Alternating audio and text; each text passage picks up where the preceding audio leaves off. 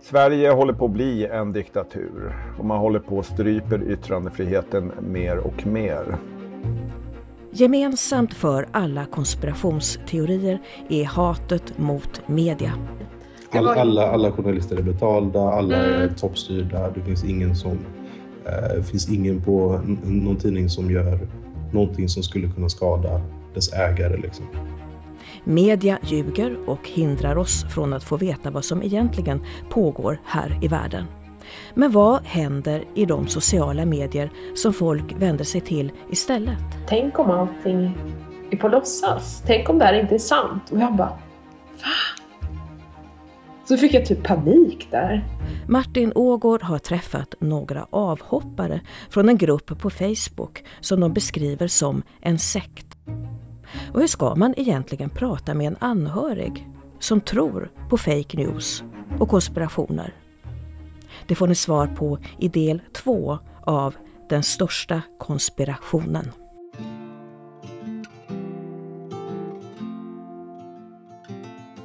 Min kompis har blivit konspirationsteoretiker. Det började med Greta, om jag minns rätt. Lite ironiska kommentarer på Facebook. Tvivel på om isarna smälter i den hastighet som påstås. Elaka skämt och men helt normala politiska argument. Fast allt oftare kom antydningar om något mer. Något oklart. Sen gick det över till Tegnell. Myndigheten för samhällsskydd och beredskap. Varför överdriver de antalet döda? Pågår det någon sorts påverkanskampanj? Facebook-diskussionerna blev längre och otrevligare. När SVTs direktsändningar verkligen direktsändningar. Man kan ju ana en fördröjning. Allt hängde ihop. Valet i USA, George Soros, telekomindustrin, Afghanistan, Stefan Löfven. Min kompis skickar en bild med en massa namn på och det är streck mellan namnen.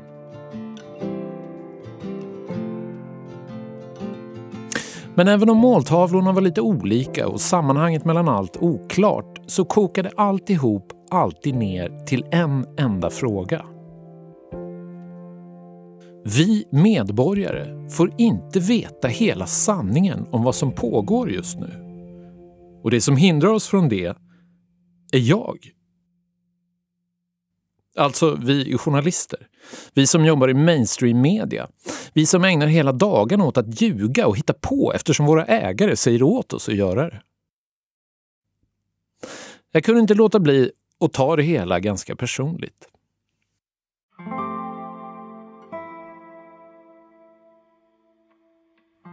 Min story är inte på något sätt unik. När jag börjar jobba med den här historien läser jag mängder med reportage som börjar på exakt samma sätt. En kompis, en mamma eller någon annan närstående har förlorat sig i konspirationsteorier på nätet och plötsligt kan man inte prata med varandra längre. My Father, The QAnon Conspiracy Theorist by Reed Riley Grabble.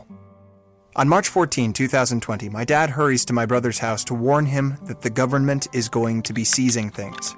Rarely has my dad... Jeremiah says his mother was one of them. I feel like it was more uh, this pandemic where she started saying stuff about like, you know, uh, you know, the government's trying to, you know, to silence us by wearing masks and, you know, China's behind this. Alla frågar sig samma sak. Vad ska jag ta mig till? Jag tror att jag har en jättebra idé. Vi kan väl göra det som killar alltid gör när de har ett problem. Vi pratar om det i en podd.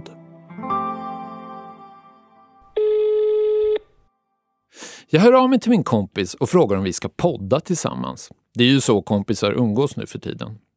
Podden ska handla om konspirationsteorier, säger jag. Vi ska debattera. Du får förklara precis vad du tycker är fel med media och jag får argumentera varför jag tror media gör ett så bra jobb de bara kan, säger jag. Och till min förvåning säger min kompis ja.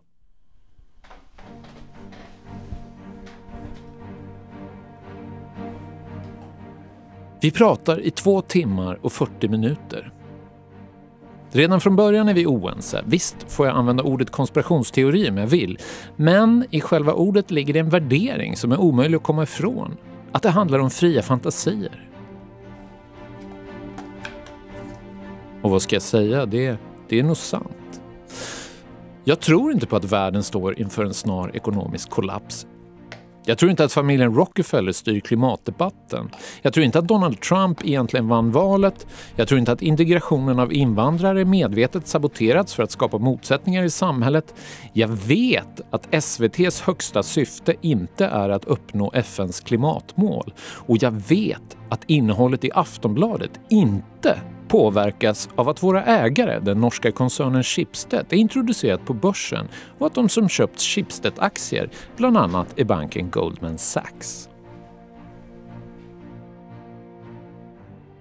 Det här kunde kanske ha blivit världens bästa podd någonsin. Men det blev det inte. Det blev ingenting. Och det föll på en väldigt enkel fråga. Vad vi skulle kalla oss. Alltså inte vad podden skulle heta, utan vad vi skulle heta. Jag ville att min kompis skulle kallas eller Karlsson eller något annat fejknamn. Jag vill att min kompis ska vara anonym. Så vitt jag kan bedöma de pressetiska reglerna har min kompis verkliga namn inte något som helst allmänintresse. Men varför ska inte jag vara anonym, undrar min kompis. Min kompis har ingenting att dölja. Hen gör bara vad alla goda samhällsmedborgare borde göra. Bildar sig, fördjupar sig i svåra frågor och förhåller sig kritisk till massmedia. Jag har inget bättre svar på det än att de teorier som min vän tror på är helt potatismos. De har ingenting med verkligheten att göra.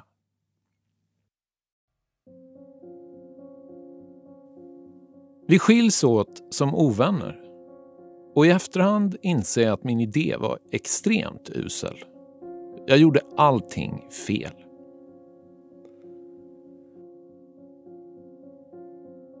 Jan Willem van Proyen är socialpsykolog från Holland och expert på just psykologin bakom konspirationsteorier. Han får ofta frågan om hur man ska hantera närstående som ägnar sig åt konspirationer.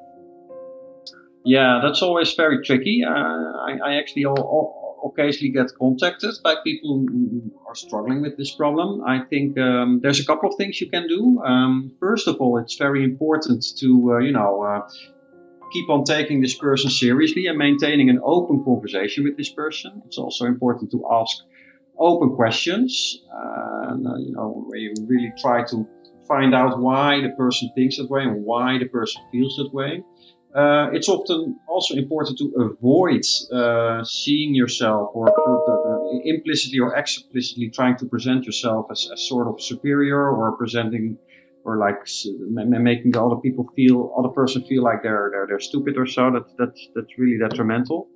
But above and beyond that i think it's also very important um, that you don't necessarily need to expect miracles. I mean, sometimes it can be really, really, really difficult to change a conspiracy theorist. Var inte överlägsen, förvänta dig inga mirakel. Tänk att en ateist och en djupt religiös person diskuterar om Gud finns eller inte, säger van Proyen. Ingen kommer att få över den andra på sin sida. Hans forskning, som mest handlar om samhällspsykologi, har fått honom att dra slutsatsen att skälet till att man dras till konspirationstänkande är en känsla av maktlöshet. Främst politisk maktlöshet. Yes, absolutely. Yes, we find uh, clear links with, with feelings of powerlessness and uh, feelings of being out of control. Yes, that, that, that makes people um, uh, more likely to believe conspiracy theories. Yeah. Mostly political actually. So uh, the feeling that uh, you know whatever you vote doesn't really matter, and uh, that uh, politicians don't really listen to you, and um, uh, that that thing that, that that life is not really under your control. Uh, and, and that whatever you say in the societal debate isn't going to be picked up. So mostly political powerlessness, I would say. Although also economic powerlessness um, is probably going to be relevant. Ju större ojämlikhet och ju större klyftor det finns mellan vanligt folk och makthavarna, desto vanligare är det med konspirationsteorier. En indikation på det är hans undersökningar i Kina där konspirationsteorierna är fler än någon annanstans. We actually found uh, that uh, these conspiracy theories were actually higher in China than in the United States. Uh, and this was due because uh, power, uh, one cultural explanation that we found, this was a cultural variable that contributed to, to that, was uh, power distance values. So in, uh, in China, um, hierarchy and power differences are far more accepted and far more normal. And uh, we found that that uh, could, could, at least partially explain this uh, this difference and these bigger conspiracy theories there. So that's, uh, but like I said, that that's just a very uh, preliminary study based on two cultures. But it is an indication that, uh, yeah, that in societies where there's more, yeah, where, where, there's less equality in terms of power structures, where you know it's more accepted that that some people are, are very powerful. Hur ska man då konkret gå tillväga om man vill ta en diskussion med en närstående som tror på fake news och konspirationer? New York Times har publicerat en lista med goda råd baserat på den senaste forskningen. Vi går igenom den. Fråga var informationen kommer ifrån.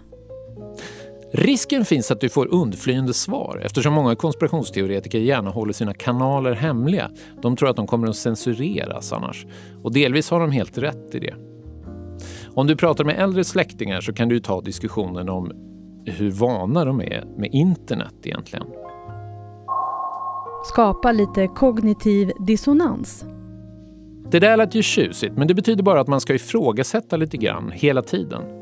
Finns det ett annat sätt att se på den här frågan? Påminna om att alla faktiskt inte håller med. Det är svårt att avfärda en konspirationsteori. Tron på konspirationer speglar ofta en människas världsbild. De vill helt enkelt att vissa saker ska vara sanna. Om du hela tiden faktagranskar dem så kan det uppfattas som en personlig attack. Debattera inte på Facebook. Det här vet alla redan. Men det har varit svårt att undvika under pandemin. Prova istället att ringa eller ta ett prat över Zoom. Det minskar spänningarna. Till och med ett sms kan kännas lite mer privat och personligt än Facebook. Glöm inte att många konspirationsteoretiker oroar sig för att övervakas av techbolagen. Att håna och skälla hjälper inte. Bli inte arg. Det här är inte personligt. Tänk att du pratar med en kompis som fastnat i en riktigt dålig relation. Inse när det är dags att sluta diskutera. Kanske kommer ni aldrig att enas. Det finns en gräns för hur långt man kan dra ett samtal. Ni kanske inte ens behöver varann i era liv längre.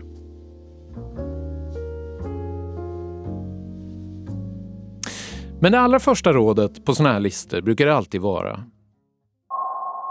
Acceptera att det faktiskt finns konspirationer. Så vi säger väl det då. Hemliga konspirationer existerar. George W. Bush fabricerade bevis på att Saddam Hussein hade massförstörelsevapen. I feel misled. I think that's the best word. Uh, we, we were not just misinformed, we were mis misled by the Pentagon. Watergate hände på riktigt. I shall resign the presidency effective at noon tomorrow. Salvador Allende avsattes i en kupp som i hemlighet orkestrerades av CIA. On September 11, 1973, his dead body was pulled out from the National Palace during a US-backed military coup that helped define the Cold War. Sovjetunionen stödde befrielserörelser i tredje världen för att sprida kommunismen.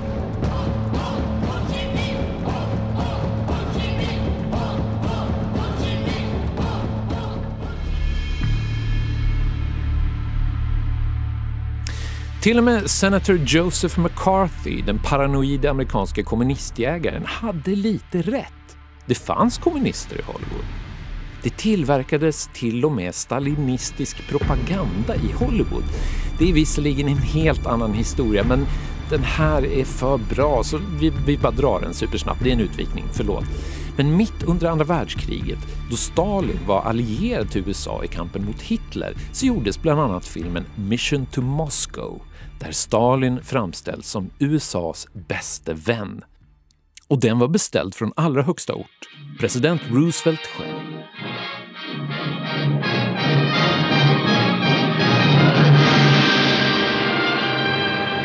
Oh, Mr. Stalin. Mr. Davis, I'm happy to know you. It's a great pleasure, sir. I believe, sir, that history will record you as a great builder for the benefit of mankind. It is not my achievement, Mr. Davis. Our five-year plans were conceived by Lenin and carried out by the people themselves. Mm. The results have been a revelation to me. We want you to realize that we feel more friendly toward the government of the United States than any other nation. Även om filmen var ett beställningsverk så blev den ett utmärkt argument för McCarthy att misstänka varje amerikansk filmarbetare för att vara kommunist. Kalla kriget, som i grund och botten var en enda stor påverkanskampanj, var en strålande tid för komplotter och vilseledande manövrar. Det är sant. Men det är också sant att jorden är rund, att Trump förlorade valet och att massmedia inte är en stor sammansvärjning där alla håller varandra om ryggen. Tro mig, det finns inga som är så oense och grälsjuka som just journalister.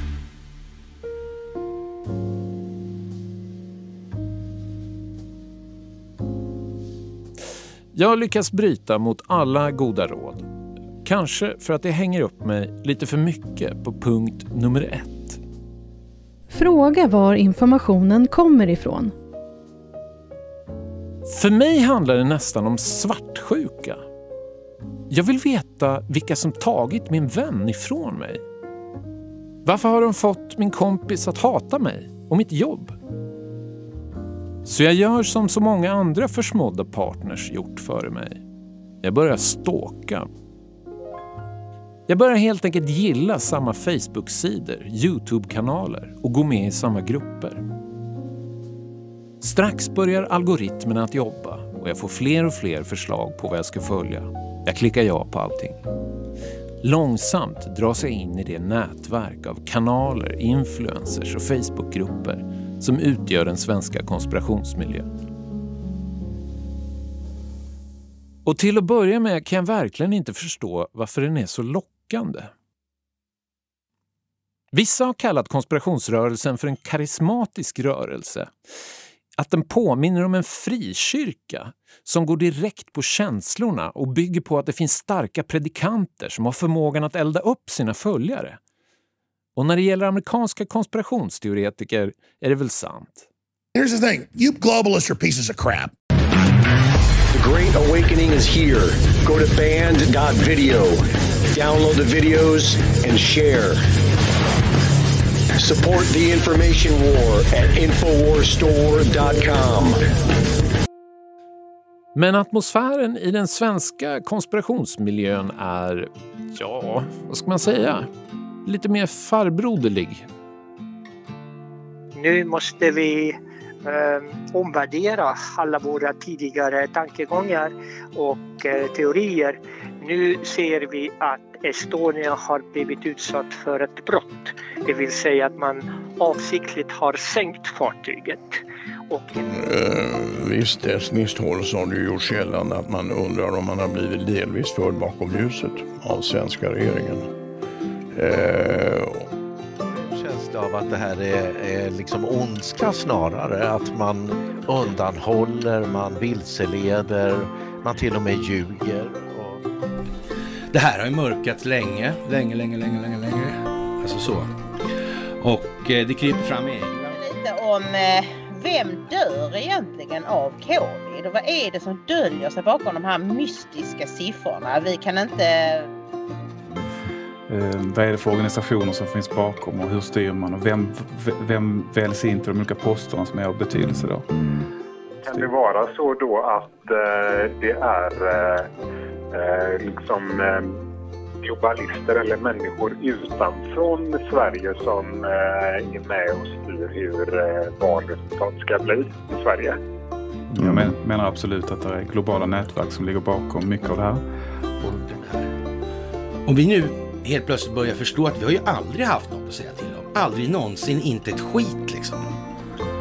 När genierna på Både mer eller mindre hemliga sällskap och det är väldigt hemliga sällskap som finns där. Så att Mm. eh, vi hittar alla typer av eh, Mm.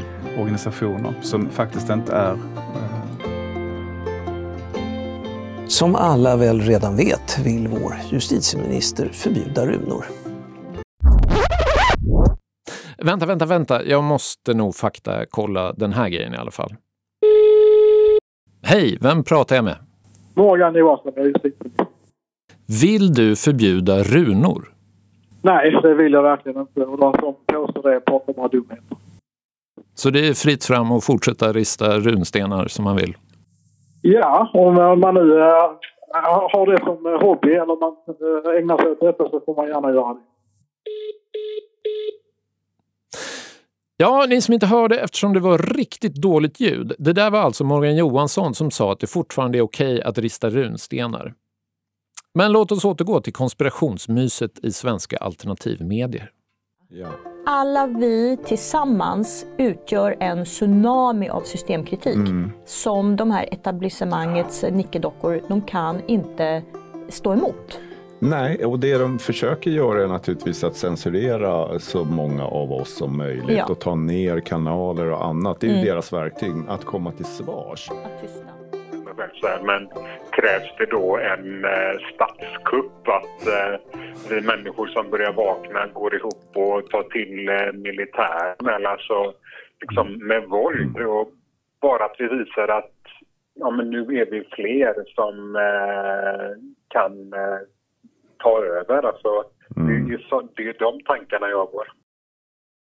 Det är inte så konstigt att man får lust att spränga något när man lyssnat på svenska alternativmedier för länge.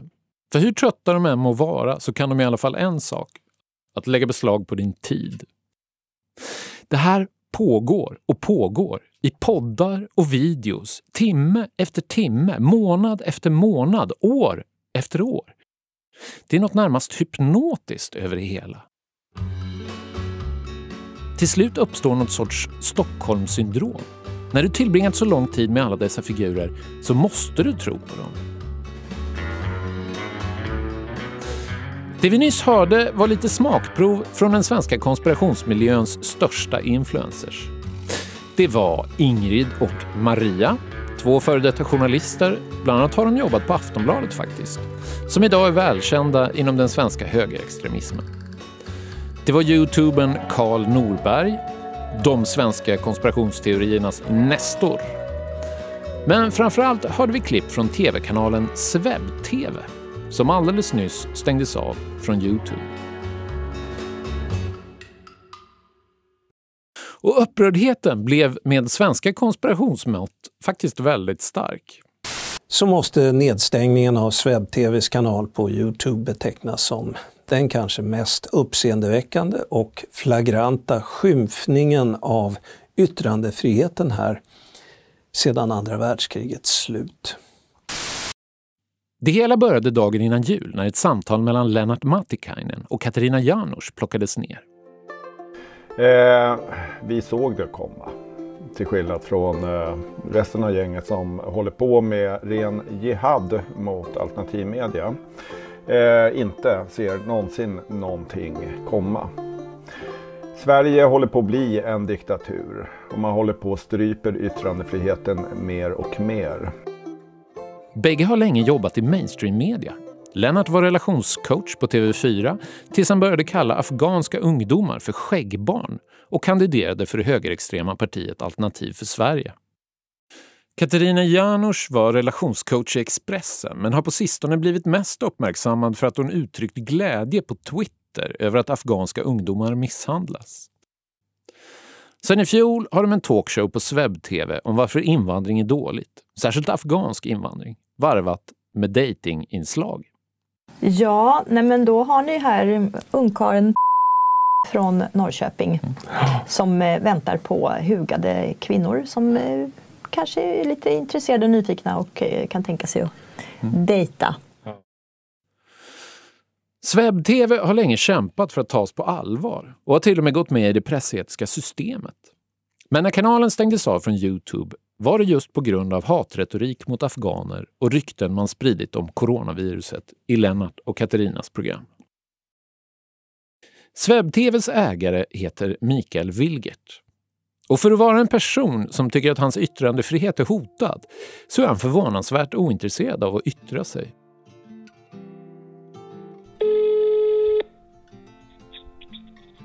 Mikael? Ja, hej Mikael. Martin Ågård på Aftonbladet här. Ja, hallå. Tjenare, hur står det till? Jo tack, det är bra. Han säger att engagemanget långsamt ökat för sajten under pandemin. Men mycket mer att säga har han inte. Ja, nu är det så här. Eh, jag har ju sett din fråga om intervju eller samtal så. Men det tråkiga är ju att vi har ju inget förtroende för, eh, för den publikation du jobbar för. Det, det, det är ju det som är ett av problemen att ni har ju ingen ni skriver ju inte ärliga artiklar som är ärligt menade. Så jag är ledsen men jag är faktiskt inte intresserad av att svara på de frågor från Aftonbladet. Då får ni först börja jobba med ärlig journalistik. Det är mitt förslag. Kan du svara på vad det är liksom som eh, gör att du tycker att vår journalistik är så oärlig? Ja, att den är oärlig. Att ni driver en agenda som är, är väldigt fientlig och oärlig. Och, och eh, att... Eh, nej, det, så att det, jag är ledsen men jag, jag är inte intresserad av, av det. Utan då får ni först visa att ni, att ni har en ärlig journalistik som syftar till att ge människor en sann information så långt det är möjligt. Jag skulle gärna erbjuda dig chansen att, att, att prata och berätta om, om hur du ser på saker och ting. Ja, jag vet. Jag har pratat med folk om det och säger eh, det, det är ingen mening för att det, det blir aldrig eh, ett bra resultat som är ärligt utan det, det är genom oärligt. Och jag har ingen anledning att betvivla det utan det, det är tyvärr. Varför, varför tror du att vi är så oärliga då? Ja du, nej som sagt jag, jag kan inte gå in på det jag är ledsen men jag är inte beredd att svara på några frågor från er utan då får ni först visa att ni har ett ärligt uppsåt och det tror jag inte att ni har. Okej, jag är ledsen, jag, jag har, har så mycket annat som jag måste göra nu så jag är tyvärr tvungen att avsluta. Du, du ställde upp på en intervju med Sveriges Radios Medierna. Eh, Ja, precis. Känner du att den representerar dig bra? Det var ju ett enda stort falsarium alltihopa så att, ja, ledsen, eh, men jag, jag är tyvärr tvungen att avsluta. Eh, Vi får se vad som kommer ut av det här. Tack ska du ha, hej Men jag kan gärna mejla frågor. Ja. Swebb-TV är inte de enda som kastats ut från Youtube på sistone. Under året som gått har även Richard Spencer, David Duke, One American News Network, David Icke, Talk Radio och den antisemitiske rapparen Wiley plockats bort. Twitter har gjort samma sak med ett stort antal högerprofiler och konspirationsinfluencers. Det här är egentligen inget nytt. Youtube och Twitter rensar ut miljoner konton varje år som inte följer deras policies. Och just den här insatsen påminner ganska mycket om när de för ett par år sedan gemensamt rensade bort all islamistisk propaganda från sina plattformar. Men när samma sak nu drabbade den konspirationsteoretiska världen blev kritiken stenhård. I'm making an even more dangerous argument that these tech companies are more powerful than the government and will have a more pernicious effect on civil liberties by engaging in open war with free speech like they're doing right now. Frågan om techbolagen har fått för stor makt över yttrandefriheten skulle bli en av årets största debatter. Deplattformering blev ordet på allas läppar. Sean, these big tech, uh, the big tech, big government symbiote, because that's what it is, um, is now in an open war with free speech and civil liberties in America. Och när till slut även Donald Trump togs bort från Twitter tyckte många att det var bevisat. This is Fox News Alert. Twitter is now permanently suspended. President Trump's Twitter account permanently. An unprecedented, frankly outrageous, and a disturbing act of censorship. Men skam den som ger sig. Alternativmedia började omvandlas till alt-tech. De startade helt enkelt sina egna plattformar. Den sju år gamla videosajten Rumble förvandlades under valåret 2020 till ett sorts höger-Youtube där Qanon-teorier samsades med paranoia för den djupa staten. Men mest framgångsrik blev Parler, en blåkopia på Twitter som blev den självklara mötesplatsen för alla som var övertygade om att Donald Trump inte hade förlorat valet. I want everybody on Twitter, Dan, now anytime they tweet, I want them to hashtag and open up their Parler account as quickly as they can and also tell remind people I'm moving from Twitter to Parler. I'm moving to Parler. I'm moving to Parler. I have a Parler account, but I'll let you take it from here. Det är en app som startades för två år sedan av några ägare ur den konservativa amerikanska medieeliten. Men blev under presidentvalet extremt populär. I januari hade den 15 miljoner användare. Men Parler saknade en sak för att nå ut till den riktigt stora publiken. En storspelare. Och störst av dem alla var Donald Trump. I fyra års tid hade han varit Twitters främsta dragplåster. Dagligen marknadsförde han sajten genom att se till att varumärket Tweet syntes i världens alla medier. president also tweeted an insult to NBA star LeBron James. Today, Trump tweeted, quote, uh, the president increasingly frustrated and lashing out on Twitter with claims det var kanske inte så konstigt att Twitter väntade tills Kapitolium stormades innan de slängde ut honom. Parlers ägare kampanjade ett tag hårt för att Trump skulle gå över till dem istället, men utan resultat. Donald är troligen medveten om sitt värde. Och till slut stoppades även Parler. Amazon menade sig ha hittat närmare 100 uppmaningar till våld på Parler och tog bort appen från sina servrar.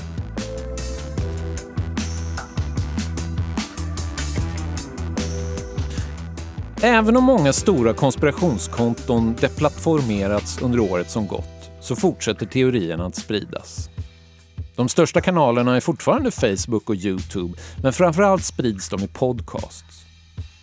Det är svårt att få exakta siffror eftersom mätmetoderna än så länge är ganska usla men några av USAs absolut största poddar just nu sprider Qanon-teorier, hävdar att Trump aldrig förlorade valet, att coronaviruset är en bluff och att globalister försöker ta makten i världen.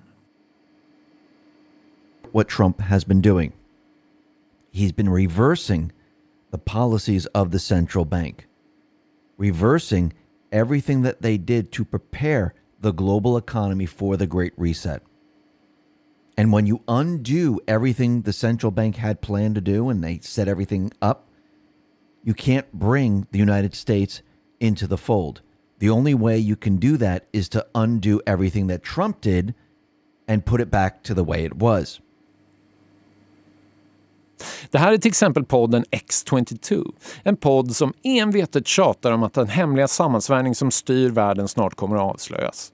Snart kommer den stora stormen. I vissa dagar lägger den ut två avsnitt och den finns fortfarande i din poddapp i telefonen.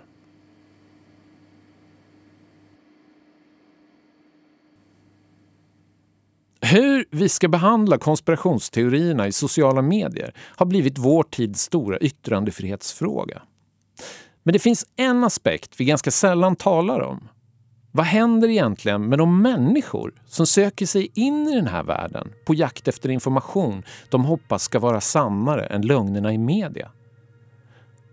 Finns det några civila offer i informationskriget?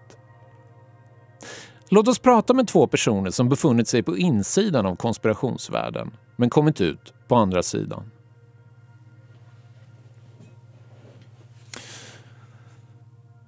Sofie och Ulf var under ett par år av sina liv helt uppslukade av de fria. En Facebook och Youtube-baserad rörelse som menar att världen står inför en nära förestående ekonomisk kollaps och att den styrs av dolda krafter som snart kommer att avslöjas. Idag kallar de det hela för en sekt. Och de lämnade rörelsen på ett ganska fantastiskt sätt. En vacker dag, eller det var mitt i natten faktiskt, så lutade sig Ulf mot Sofie och sa Tänk om allt det här inte är sant. Men deras resa in i konspirationsvärlden började på samma sätt som för väldigt många andra. Ja, alltså precis som många i det fria eh, så hade, så hade vi varit med om ganska jobbiga, eller jag hade i alla fall varit med om en ganska traumatisk grej eh, som gjorde att jag blev ganska, jag var i chocktillstånd eh, en period. Eh, jag var sjukskriven från mitt jobb eh, i några månader, alltså jag var, jag var traumatiserad och då hittade jag liksom det fria? Mm, det var mycket, mycket liknande på min, på min front också. Jag var väldigt, eh, väldigt eh, traumatiserad och eh, sökte väl, eh, eh, vad ska man säga, sammanhang, Mm, ja. tror jag. Och en förklaring kanske till varför det såg ut i- Ja, alltså, så här i samhället. Alltså, så här, världen, var, världen var ju lite annorlunda på den tiden. Det var ju liksom så här... Hur länge sedan var det här ungefär? Alltså det var efter hela kraschen 08. Så 09 blev jag intresserad av hela eh, liksom konspirationsvärlden. Alla idéer och tankegångar kring eh, de strukturerna och så vidare. Eh, och eh, sen eh, började man följa liksom olika forum på nätet. Eh, Vaken var ett, eh, en samlingsplats för väldigt många på den tiden. Eh, och därifrån hittade jag det fria. Då. De heter inte Sofie och Ulf och jag har mixat lite med deras röster. De lärde känna varandra för några år sedan på ett möte någonstans i Sverige. Sofie var ny, Ulf hade varit med ett tag. Båda gillade Håkan Hellström och de gillade varandra. Um, ehm, och eh, 2014 var väl då jag själv började bli mer så aktivt engagerad. Eh, jag eh, var på Bilderbergmöte för andra gången. Alltså så här, protesterade mot eh, hemliga sällskap och så vidare. Nej, men jag var på det, det första i, i, utanför Spanien och så var jag på det andra utanför, eller i, i Köpenhamn. Eh, Och eh, det var också eh, på Bilderbergmötet i Köpenhamn som eh, vad ska man säga, ledningsgruppen i, i det nuvarande Det Fria träffades första gången, eller träffade Karl. Carl Norberg är den svenska konspirationsmiljöns grand old man. Något han själv skämtar om. Två dagar i veckan lägger han ut ett program på Youtube. Ofta på långt över en timme. Minsann. Det händer lite grann i vår omvärld kan man säga. Han har länge bevakats av stiftelsen Expo och journalisten Kent Werne som redan 2019 skrev boken Allt är en konspiration. En bok som är måste-läsning för alla som är intresserade av svenska konspirationsteorier. Expo och Werne har kunnat visa på att Norberg förnekat förintelsen.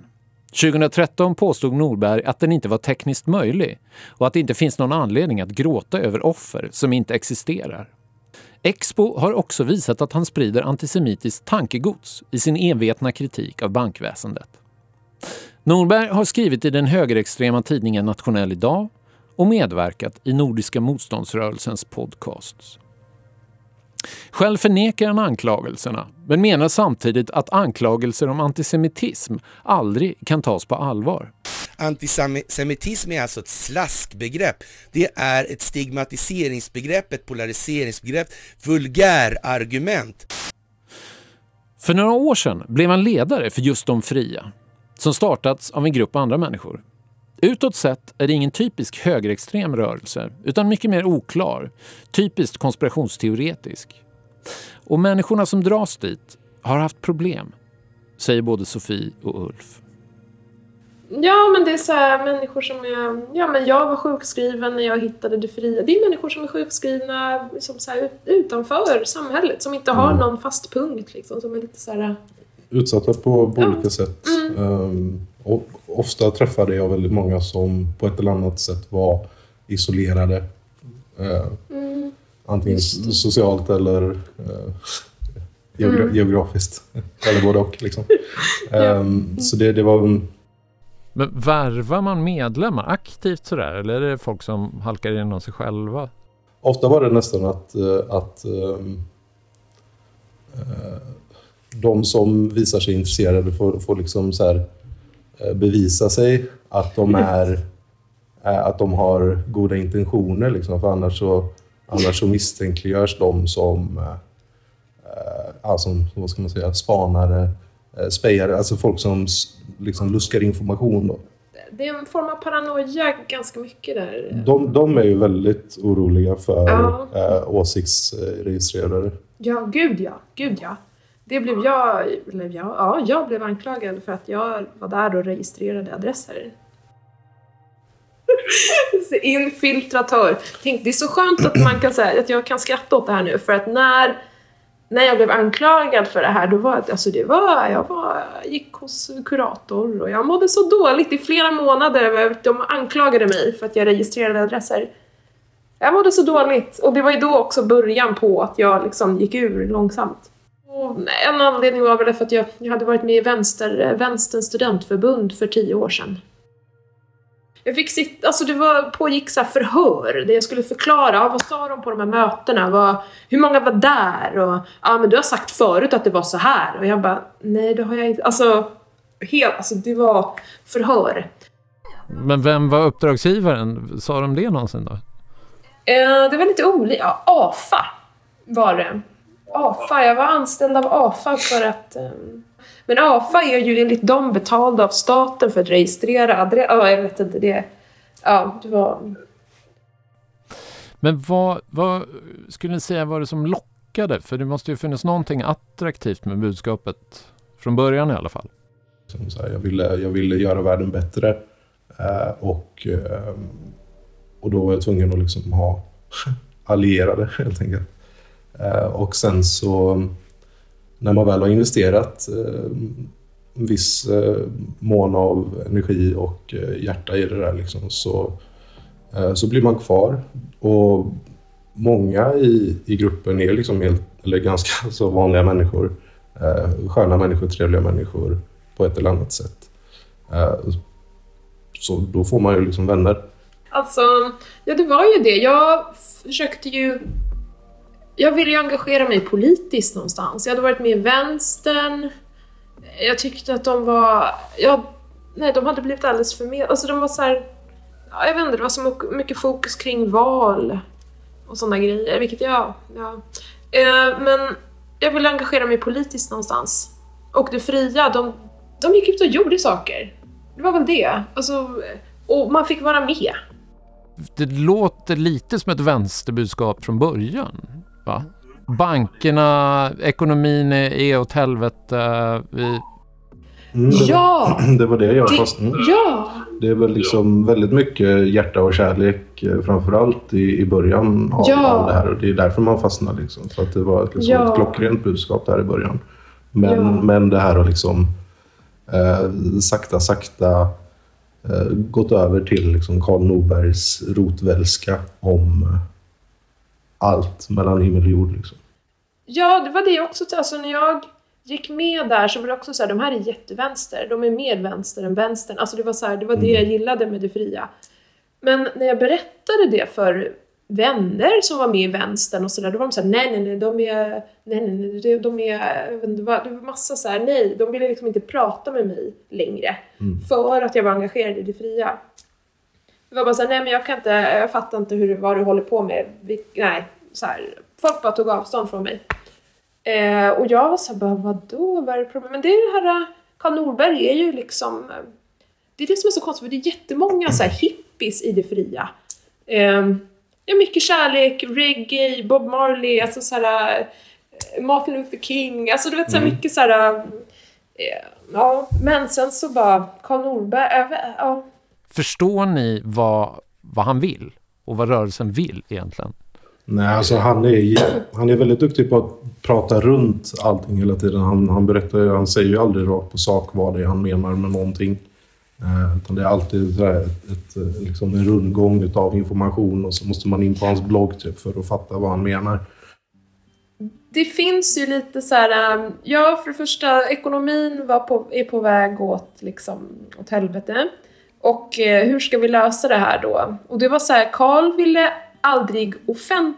Eller han ville liksom aldrig stöpa... Alltså, han ville aldrig säga så här måste vi lösa, så här ska vi lösa det. Han ville aldrig göra det utan tänk själv utan... Eller liksom så här, det får ni komma på själva eller ekonomin är på väg åt helvete men ni får komma på en lösning. Lite så, eller hur? Mm. Det var aldrig, han kom aldrig med något program exakt så här vill vi, så här vill det fria ha det. Nej, det fanns inget sånt. Det var ju jättemånga som ville ha. Vad, vad har vi att erbjuda då, då? Om vi ifrågasätter hela systemet, vad vill vi, vad har vi att komma med liksom? Men det, det var aldrig någonting som skulle formuleras Man skulle kunna tro att eh, det då snärjer hans följare ännu mer kring hans eh, lillfinger liksom. För det, det, det gör ju att de är kvar i, i, i, hans, eh, i hans tankesfär liksom.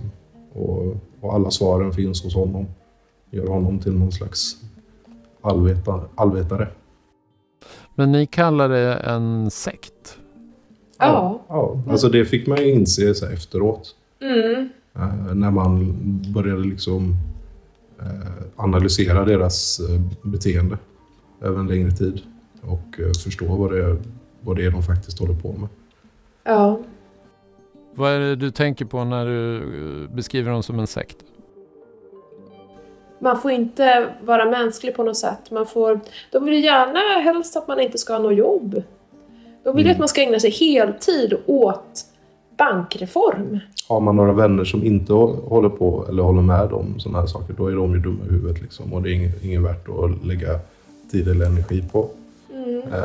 Man behöver inte bry sig om att eh, liksom, eh, man behöver inte bry sig om sin privatekonomi för hela ekonomiska systemet kommer ändå krascha snart. Så skit i att betala din CSN-skuld. Liksom. Det, det är lugnt. Men är det, kan det vara något som lockar folk? Att om man har taskig ekonomi och tänker ja, ja, om vi pushar det här så kommer ekonomin gå åt skogen så då är mina skulder betalda. Typ. Oh ja. Ja, ja, absolut. Man, ja, man, är, ja. man är liksom i en så pass utsatt situation. Alltså det, det är ju pengarna som styr ens liv idag. Liksom. Vi är ju kontrollerade av ekonomin. Liksom. Det, är, det är ju på det viset. Liksom. Ehm, och det, det, vet- det vet de om också.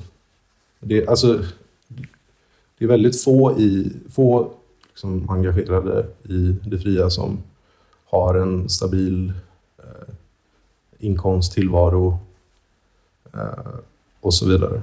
Mm. Men mjölkar de pengar från medlemmarna också? Ja. ja, ja. Det är det sjukaste nästan. Patreon. Dit skickas det pengar varje månad till Patreon. Eh, och de tigger också om pengar. Vi behöver eh, en ny mikrofon till Karls, eh, TV, till Karls fredagsmys. Sms, eller swisha hit. Och så swishar folk.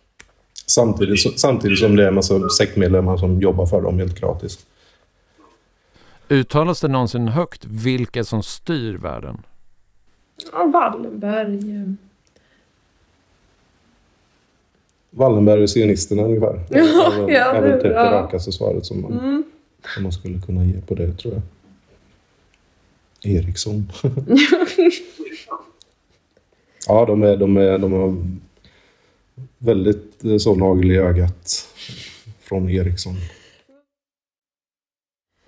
NMR är inte hans grej.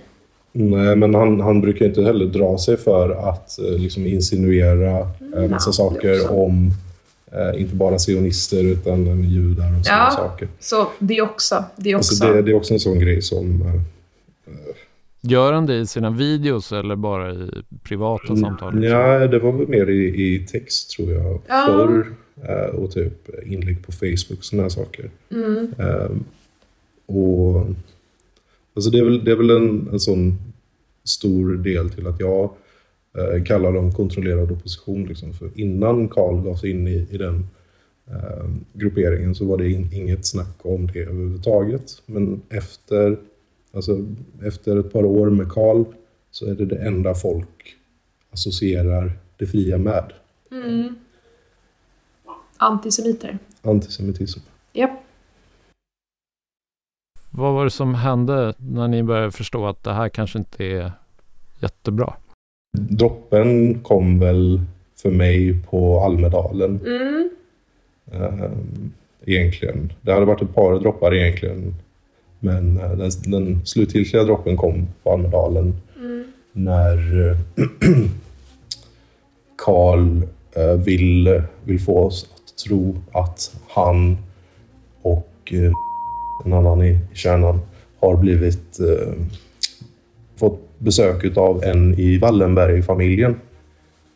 Att, man, att de hade fått besök av Wallenberg? Ja. Ja, att Wallenberg har sökt upp dem. Okej. Precis. Och, och hade liksom eh, försökt att eh, medla med dem då och liksom få dem att, att sluta med, med sina eh, allvarliga, viktiga eh, Uppgifter, Uppgifter eller, då, då. eller upplysning. Den Ja. viktiga upplysningen. Precis.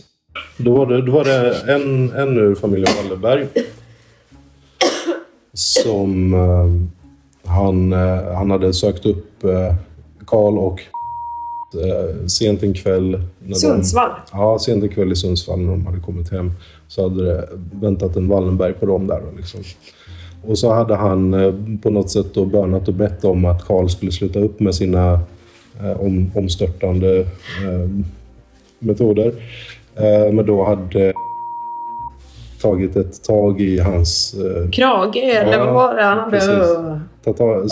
manhandlat honom var ordagrant. Ja, men det, det, var, det var någon sån rikt, riktigt löjlig historia liksom. Eh, som de, som de liksom drog då Mm. uppenbart för att eh, liksom stärka gemenskapen och Ja. eh, öka vårt liksom, förtroende för hela den här saken. Och det var bara så... Och det var bara så här, just den kvällen hade de inte med sig sina telefoner. Och jag bara, va? jag bara, men vad? Nej, det var... Jag försökte ta upp det här lite så här, ja men det här med Wallenberg, har det ens hänt? Eller liksom försökte jag lite så här, han bara, va? Vad menar du? Det är såklart det har hänt, alltså, vet, så här, det har hänt. Det, har, det här måste vi ta på allvar. Det här är stora grejer vi håller på med. Och som en av dem brukade säga, vi kommer stå, det kommer stå i historieböckerna om oss. Mm. De har såna här, äh, ja men som så här, triggar, alltså som så här, Man, mantran typ. ja mantran, det, det kommer stå i historieböckerna om oss. Snart faller det. Ja, och jag, alltså när jag var riktigt inne i det här, då, var, då kunde jag säga, vad kommer det stå i historieböckerna? Alltså, jag var liksom inne i det här. Alltså, det var jag verkligen några månader där. Hur känns, hur känns det när man, är, när man är inne i det?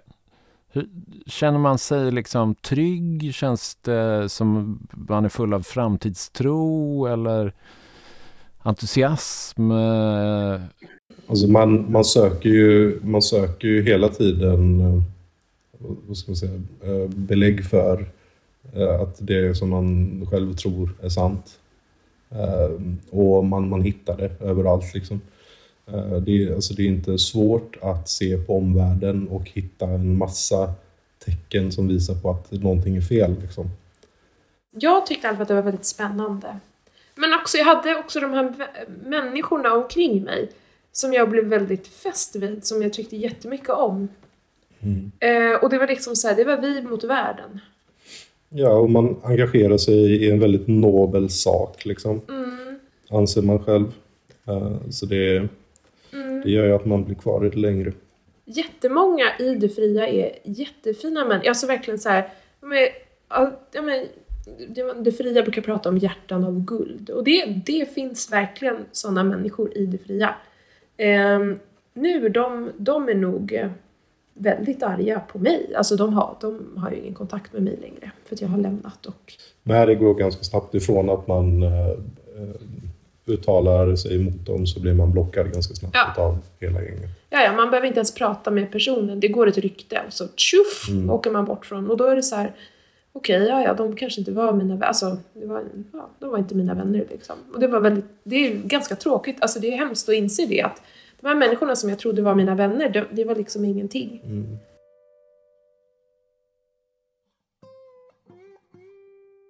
Det låter helt jävla, helt jävla lajbans. Jag, jag, man fattar det liksom. Det, alltså, det är därför det, det är skitsvårt för oss liksom att försöka förklara det här för någon. Ja, och och vi- fortfarande låta hyfsat, hyfsat liksom med Ja. i skallen liksom. För det är så jävla mycket. Jag bara skrattar åt det. Ja, just nu det bara... Jag orkar Ja. inte liksom lägga ner någon energi i det där. Nej, alltså... Man undrar liksom, vad var det vi var med om? Sen vill man ju såklart att folk ska liksom veta om eh, vår sida. Alltså, Ja. för, så det är egentligen enda anledningen till att vi går ut med vår historia. Det är för att det faktiskt finns folk som fortfarande är med i den här konstellationen liksom, och inte kanske eh, förstår baksidan med det. Men jag, jag, nu har jag, länge, jag har liksom bromsat upp den här berättelsen om hur ni eh, tog er ut ur alltihopa. Nej, så... Ja, det var... Det var... Ja, Ja. som, som, ja, men som bara så här, tänk om allting är på låtsas. Tänk om det här inte är sant. Och jag bara, va? Så fick jag typ panik där. Mm. Och Och så satt vi och pratade i flera timmar och bara, satt, tänk om det inte är sant. satt i småkvistanalys. Mm. Och ehm, ehm, ja, efter det så gick jag ur. Ja. Ehm, gick inte ur Nej, jag- di- direkt. Nej, Eh, och jag, blev misstänkliggjord och... Jag ville väl liksom inte pusha på det. Men Nej, eh, du jag höll, höll ändå ett, ett litet öga eh. Mm. Och, och, och kunde här skicka meddelanden till mig. Han bara, delar du fortfarande ut flygblad? Skrev han till mig och jag bara, vad håller jag på med egentligen? De här är jätte... De hade ju, precis, de hade ju mist, alltså, anklagat mig, förhört mig. Och jag bara fortfarande höll, hängde kvar där. Och sen så blev jag till slut bara... Eh, vi skulle dela ut flygblad. Och så bara... Eh, och det hade, vi hade pratat om det i chatten, vi ses där och då. Kom dit ni som kan. Och jag bara, ah, okej då kommer jag liksom. Och då var direkt, vad fan gör du här? Ut härifrån! Och, och, jag, blev- alltså jag blev bokstavligen bara utschasad av någon militär från det mötet. Um, och då bara, nej jag kan inte vara med här något mer. Och då, ja då, då var det, ja då, där tog det slut. Och sen efter att man går ur så är det ganska alltså hyfsat odramatiskt liksom, eftersom det är så många som blockar den. Eh, man blir liksom stämplad som paria. Hur mår ni idag då? Jag mår väldigt bra. Jag med. Jag känner mig väldigt fri. Väldigt fri. Ehm, jag pluggar vad jag vill, jag läser vad jag vill. Jag gör vad jag vill utan att någon dömer mig. Verkligen så här. För, för det var ju, man skulle ju hålla det hemligt. Om jag läste en bok som var, ja jag vet inte om jag skulle läsa, ja vad säger man, om jag skulle läsa Simone de Beauvoir eller något annat roligt så skulle det bara ah, feminister, så skulle det börja manshatare. Alltså då skulle det... Ja, nej, men framförallt så är det skönt, väldigt skönt att slippa hela deras jargong och eh, mentalitet.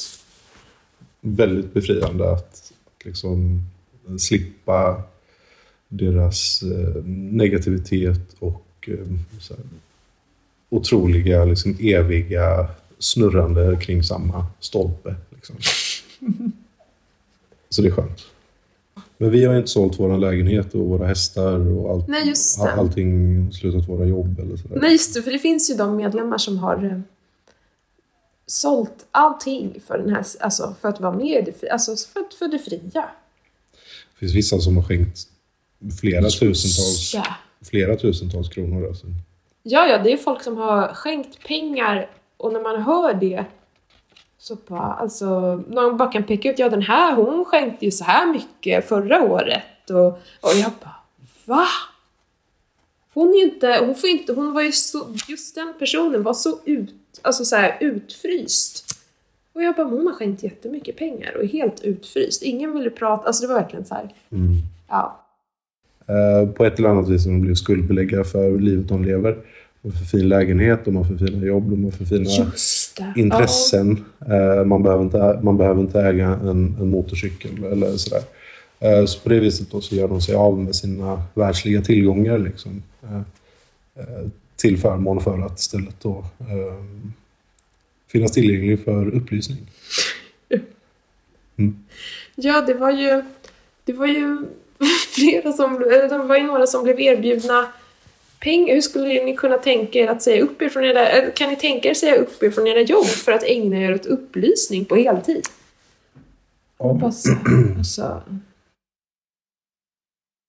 Alltså det, det är ganska viktigt liksom att man... eh, De som har varit med om, om det där, det som Mm. händer där i den sekten, att man Ja. faktiskt eh, pratar om det. Eh, i alla fall sinsemellan. Eh, så att eh, sanningen kommer fram och eh, att människor liksom förstår att det inte är normalt det de håller på med. Min, alltså min historia för sig själv hade kanske inte betytt så jättemycket men tillsammans med liksom små smulor ifrån alla andras upplevelser och berättelser så får man ju faktiskt någonting som kan kallas en objektiv sanning. Liksom. Och sen när jag till slut lämnade det fria, eller när jag blev utkastad, eller ja, då bara pratade jag så mycket. Alltså, då var det så skönt att bara släppa allt. Alltså, bara prata ohejdat utan att liksom någon ska döma mig eller jag får inte prata om det här. Nej, så det, det var väldigt skönt att vi hade någon, alltså så här, vi har varit med om det här och det var väldigt jobbigt. När vi, ja. då, då var det jättejobbigt. Nu kan jag bara skratta åt det och bara, vad har jag varit med om egentligen? jag tror att om man följer det fria på håll, alltså så här via nätet och sådär, då är det nog ganska då ser man inte så mycket. Det är först om man verkligen kommer nära inpå som det liksom som det blir jobbigt tror jag. Så jag tror att en del kommer kanske aldrig därifrån. Nej, nej. Men det är en sekt alltså. Det är, det är så sekt... Oh. Mm. Sofie och Ulf har inte släppt sitt kritiska sinnelag för att de slutat i de fria. Ulf är fortfarande oerhört skeptisk till mycket av det som står i media. Han tror inte ens att de fria är särskilt fria. De är kontrollerad opposition, som man säger. En sorts nyttiga idioter åt systemet. Men varken Sofie eller Ulf vill använda ordet konspirationsteori. Um... Nej, alltså inte. Det är någonting som de pratar om i tidningarna. Jag mm. använder det inte själv. Jag är så här, ja. Jag, jag, tycker det är ett, ett, ett slaskbegrepp. Liksom. Ett, ett, väldigt enkelt sätt för någon att uh, sätta en stämpel på någon. Mm. Uh, sätta liksom foliehatten på en och uh, så får man stå där och skämmas. Liksom. Mm. Det är ett ganska effektivt sätt att liksom, kontrollera diskurs. Och, men samtidigt så är det också så att konspirationer existerar. Det, det är liksom inget, inget snack om det egentligen. Så att, att man skulle vara en konspirationsteoretiker är liksom inget, inget negativt heller i, min, i, min, i mina ögon egentligen, även om jag vet att det är ett negativt laddat ord. Mm, jag tycker det kan vara lite intressant. Alltså om någon skulle säga så ah, konspirationsteoretiker, så skulle jag bara, ja ah, men intressant. Alltså om de, någon beskrivs på, med, den, med det ordet liksom, skulle jag bara, ja ah, men det verkar intressant. Black Ops eller vad ska man säga, informationskampanjer existerar ju eh, även här i Sverige. Liksom, det kan man ju gå in på eh, liksom, eh, regeringens hemsida och läsa ungefär i princip olika informationskampanjer för att eh, kontrollera eh, allmänhetens eh, opinion. Alltså vi, vi kommer ju all vår, all vår så kallade trovärdighet kommer ju att raderas omedelbart när du liksom publicerar det som vi har pratat om här. Man får inte prata med, med media eller, eller sådär. Alltså det, det finns nej. ingen mening med det. Liksom. Nej, nej. Det var... alla, alla journalister är betalda, alla mm. är toppstyrda. Det finns ingen som... Eh, finns ingen på någon tidning som gör någonting som skulle kunna skada dess ägare. Liksom. Ja, just det. Ja, ja, det ägardirektiven är starkare än liksom mm. journalistik. Alltså, mm. Det är så de menar. Så därför är det ingen mening med att prata med någon journalist. Mm. Ja, så är det generellt. Alltså, inte bara inom det fria. Alltså, konspirationsteoretiker tänker mm. nog så. Många i alla fall. Ja, det tror jag. Fanns en amerikansk president som tyckte det. Liksom. Mm. Alltså, jag har inte särskilt stor tilltro till media, kan jag säga ja, det, det, var länge sedan jag liksom lärde mig någonting ifrån, ifrån eh, några etablerade medier. Jag känner väl liksom att eh, makten som media har skulle kunna användas på ett så pass bra sätt att det skulle kunna vara världsomvälvande på en vecka om man vill. Men eh, ni väljer att inte använda det. Eh, och det, det talar det, tal, det, det är talande för mig. Liksom. Så jag har inte särskilt stor tilltro till någon etablerad media egentligen om man ska vara helt ärlig. Sen pratar jag med dig ändå liksom för att... Eh, Nej men alltså jag tror, alltså vi är ju med, alltså vi låt, alltså, är ju med och intervjuas här för att det kan visst komma fram bra saker tror jag. Alltså, alltså det, här, det här är ju min sanning ja. liksom. Så mm. Nu får jag liksom en, en liten chans ändå till att ja. få ut den. Liksom. Mm. Sen får vi se vad som händer med det. Men ja. Mm, jag tror att visst kan finnas absolut bra saker som, som media kan bidra. Alltså absolut. Men själva de vanliga nyheterna idag som liksom går på tv till exempel. Det har inte jag kollat på på flera år. Det, det ser jag verkligen inget värde i. Liksom. Det, det, efter, efter all den här skiten liksom, så märker man ofta också så här... Eller alltså man, man har ett annat öga för människors intentioner. Liksom. Mm. Um, man, man, man är väl kanske lite mer medveten om att alla har en agenda. I ett samtal med Karl Norberg fortsätter han förneka att han skulle sprida antisemitiska teorier eller hysa antisemitiska åsikter. Det blir det dummaste jag hört i hela mitt liv. Precis som tidigare hävdar han att begreppet antisemit är ett slaskbegrepp. Ja, men det finns ingenting som jag säger här och nu som inte jag kan stå för alla dagar i veckan. Och det finns dessutom ingenting i det jag säger nu som på minsta sätt pekar på att jag är på det viset som de anför. Inte att, någonting. Att du är antisemit? Att jag är antisemit eller vad de nu drar till med för något jävla begrepp. Liksom. Jag kan i alla fall förklara vad jag tycker och varför jag tycker som jag gör på saklig grund. Medan de inte ens kan förklara vad en antisemit är. De kan inte ens definiera begreppet innehållsmässigt. Han medger att förintelsen har inträffat och säger att han inte tror på raser och att han jobbar för att nazister ska sluta vara nazister.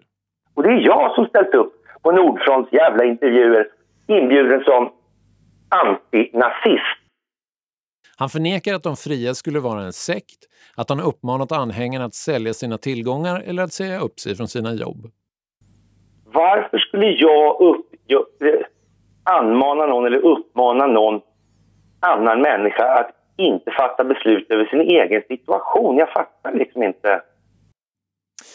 Men han förnekar samtidigt inte att det har hänt. Så det, det finns ju ett antal människor som så att säga har varit inne i rörelsen på det sättet och haft, ja, man har haft idéer om att de ska liksom, nu ska alla göra på det här sättet och, eller nu ska ni göra på det här sättet. Och, jag menar, jag har inte sagt åt någon att göra någonting någonsin. Han säger vidare att han inte tjänat några pengar på de fria och inte har någon insyn i pengainsamlingen. Norberg vidhåller dock att han har träffat en medlem i familjen Wallenberg. Ja. Vad hände? Nej, de sökte upp mig för att prata. Konspirationsteorier, säger han, är ett begrepp som lanserades av CIA 1967. Det är väl inte så jättemycket att prata om heller. Jag hänger inte riktigt med. CIA-dokument i FBIs arkiv visar att... Nej, jag menar, jag menar CIA-arkiv. Ja, okay. ja, det är avklassificerat det där. Och det, så det är alltså ett, ett, ett, ett medvetet försök från CIA att uh, åstadkomma vad då? Misskreditera, skjuta pianister alltså. Skjut inte budbäraren säger man men... Alltså, ja, den som är budbäraren, ta koll på budbäraren. Misskreditera budbäraren så blir innehållet av budskapet värdelöst.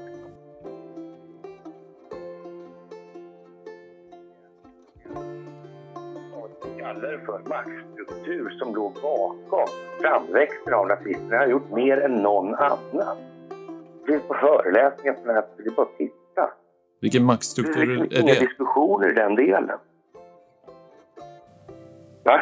Vilken maktstruktur är det som ligger bakom nazismen? Ja, ja det är ju samma maktstruktur som alltså man kan säga att det börjar någonstans för länge sedan då, ja, det, man kan, vi, vi brukar ju säga, alltså den moderna strukturen nu, den är i början på 1900-talet kan man säga, så den framväxten av telekominfrastrukturen, den ligger ju där då. Och de... Alltså, Dessutom ger han mig en föreläsning om Ericsson, kreditavregleringen, Rasbiologiska institutet, synoden i Nicea, Athanasios, Marianska krigen, coronaviruset, Investor, Kinas kommunistparti och nazismen med mera. Men vill ni veta mer om just det så får ni väl titta på hans videos. Än så länge finns de kvar på Youtube, Facebook och Telegram. Kontrollera Nasdaq? Uh, det vet jag inte. Det vet jag inte. Nej. Vem kontrollerar Nej, Nasdaq? Det kan du googla bara, så det är ingen fara. Och då ska du också ha, ja, får du nästan ha klart för att Dubai är också ett sånt ställe som är rätt så hårt kontrollerad av den andra stora parten inom Nasdaq. Man säger så. Och det finns sånt som heter preferensaktier och det finns optioner i de här sammanhangen. Och sen får du väl räkna ut resten själv. Det är väl lika bra. Men jag har tittat lite på dina videos och ofta säger du så. Alltså lägg ihop själv, tänk själv. Mm. Mm, det, det är väl det va? Varför vill du inte liksom... Ibland känns det som att du inte vill tala ur skägget riktigt. Att du inte vill säga ja, vad det är det du... kan man ju tycka. Ja. Men vad tror du syftet med allt är? Det är att folk ska lära sig att processa själva. De ska kunna korstabulera mellan de olika, ur de olika perspektiven över sekvenserna i tid. Så alla det är måste... det som är det fria tänkandet. Fantasi.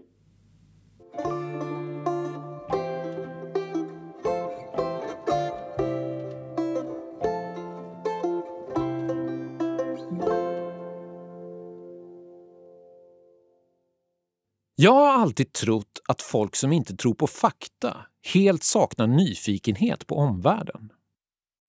Jag måste ändra på den uppfattningen.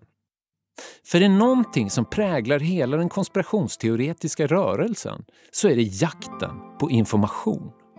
Annan information än den vi får genom media. Och då duger nästan vad som helst. Min vän konspirationsteoretikern påstår sig älska att lyssna på gamla gubbar som pratar och visar grafer i timme efter timme. Det handlar om en längtan efter att få ta del av något komplicerat. Det spelar ingen roll att konspirationsteorierna är flummiga och helt osammanhängande. Det är liksom mysigt att befinna sig i det där tillståndet där man hela tiden får ställa nya frågor och det stora mysteriet snart ska få en lösning. Det är som en true crime-serie som aldrig tar slut. Efteråt känns allt bra. Man är upplyst, insiktsfull och har kanske genomskådat hela skiten. Känslan av maktlöshet försvinner. Åtminstone en liten stund.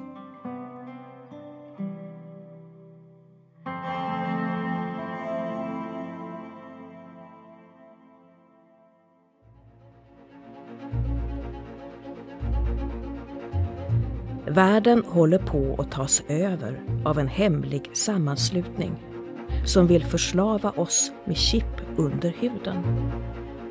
Det är kärnan i den allt mer populära myten om The Great Reset.